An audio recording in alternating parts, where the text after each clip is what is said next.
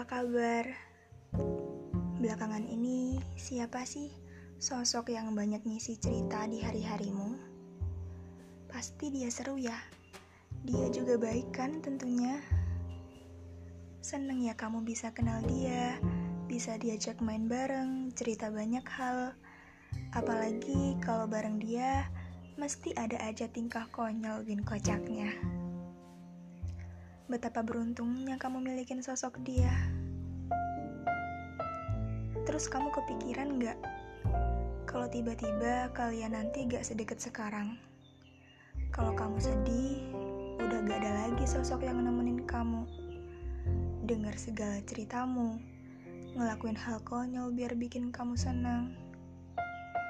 Dan pas lagi weekend, gak ada lagi dia yang mau kamu ajak keluar entah makan bareng, jajan bareng, keliling kota bareng, atau sekedar sharing cafe dan lagu apa yang lagi hits minggu ini. Terus kamu merasa hidupmu gak seceria kemarin.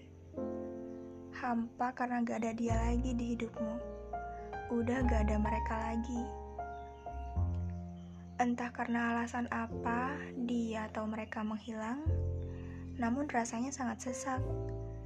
Jiwamu gundah tak karuan, memikirkan siapa sosok pengganti dirinya nanti.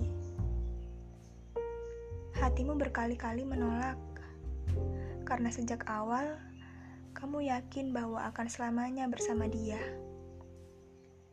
Tidak ada kata mengganti ataupun diganti. Hmm,